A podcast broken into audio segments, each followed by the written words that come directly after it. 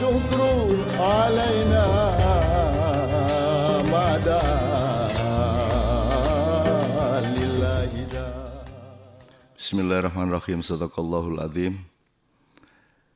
Kayaknya saya ingin menambahi pendalaman atau penegasan tentang keislaman seseorang atau kekafiran seseorang termasuk saya.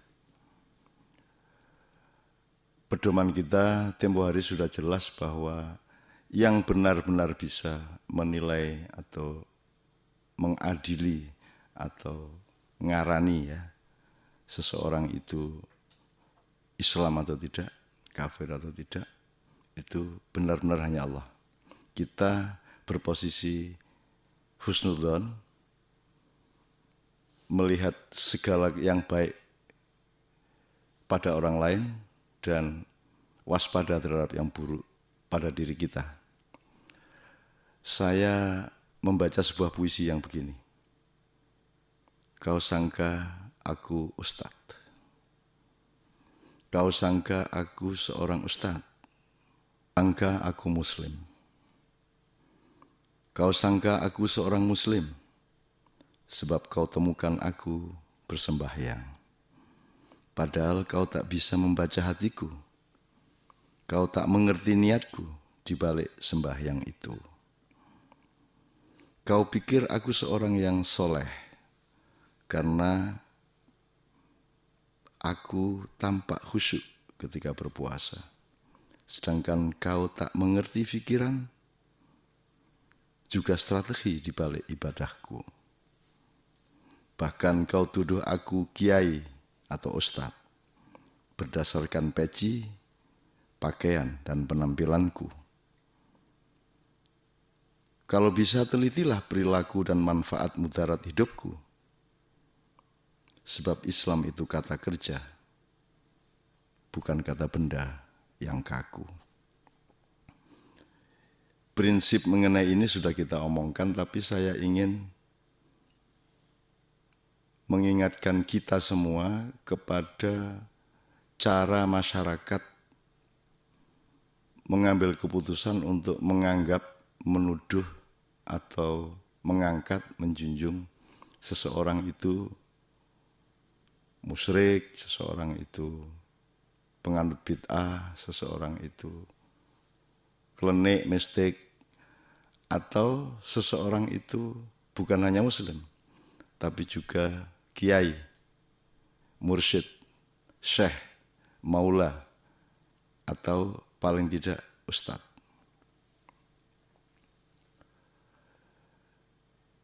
Di zaman ketika belum ada sistem dan pola komunikasi yang mondial, yang nasional, yang setiap orang bisa menemukan informasi tertentu dari balik bumi dan langsung didapatkan sambil tiduran di kamar atau sambil buang air besar di WC. Ketika itu seseorang itu dianggap baik atau tidak, itu otentik. Dia bergaul, dia niteni baik buruknya orang itu. Maka ketika seseorang dinobatkan oleh lingkungannya menjadi ustadz, kiai, mursyid dan sebagainya itu otentik karena memang penelitian empiris masyarakat kepada orang itu. Sehingga seseorang disebut kiai atau diangkat menjadi ustadz atau apa pun itu yang mengambil keputusan adalah umat. Langsung yang tiap hari hidup bersama dia. Tiap hari otentik mengamati dan mengalami kebaikan dan keburukan seseorang itu. Ketika terjadi revolusi industri, kemudian hidup menjadi sangat ditentukan oleh proses dan mobilitas kapitalisasi, sampai kemudian kapitalisasi itu menggumpal menjadi ideologi yang disebut kapitalisme, dan itu berlangsung secara masif yang disebut industrialisme. Umat menjadi menoleh. Dia tidak punya kemampuan dan mobilitas atau mekanisme untuk menentukan siapa kiai atau tidak. Siapa ustadz atau tidak.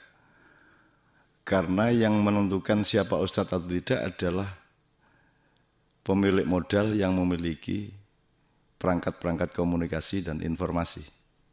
Gampangannya sekarang ini siapa ustadz, siapa, siapa bukan itu tentukan oleh televisi.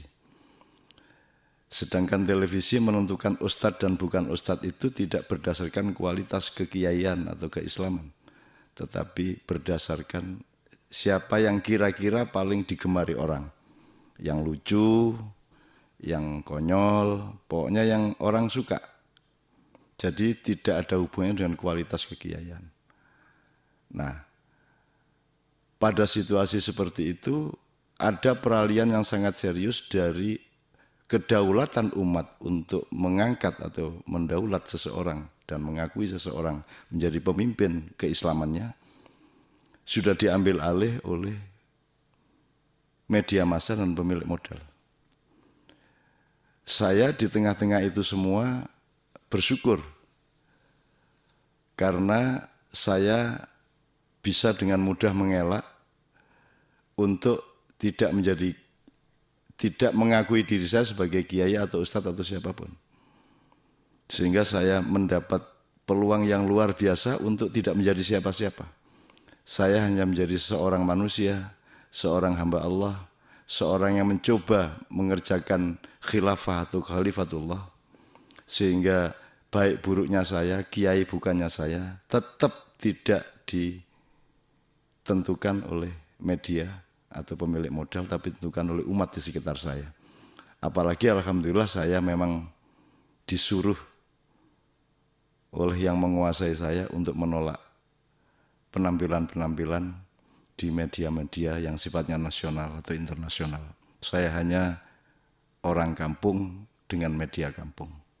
Alhamdulillah Rabbil Alamin, dunia berkembang seperti itu dan saya bisa menyelamatkan kemanusiaan saya. Assalamualaikum warahmatullahi wabarakatuh.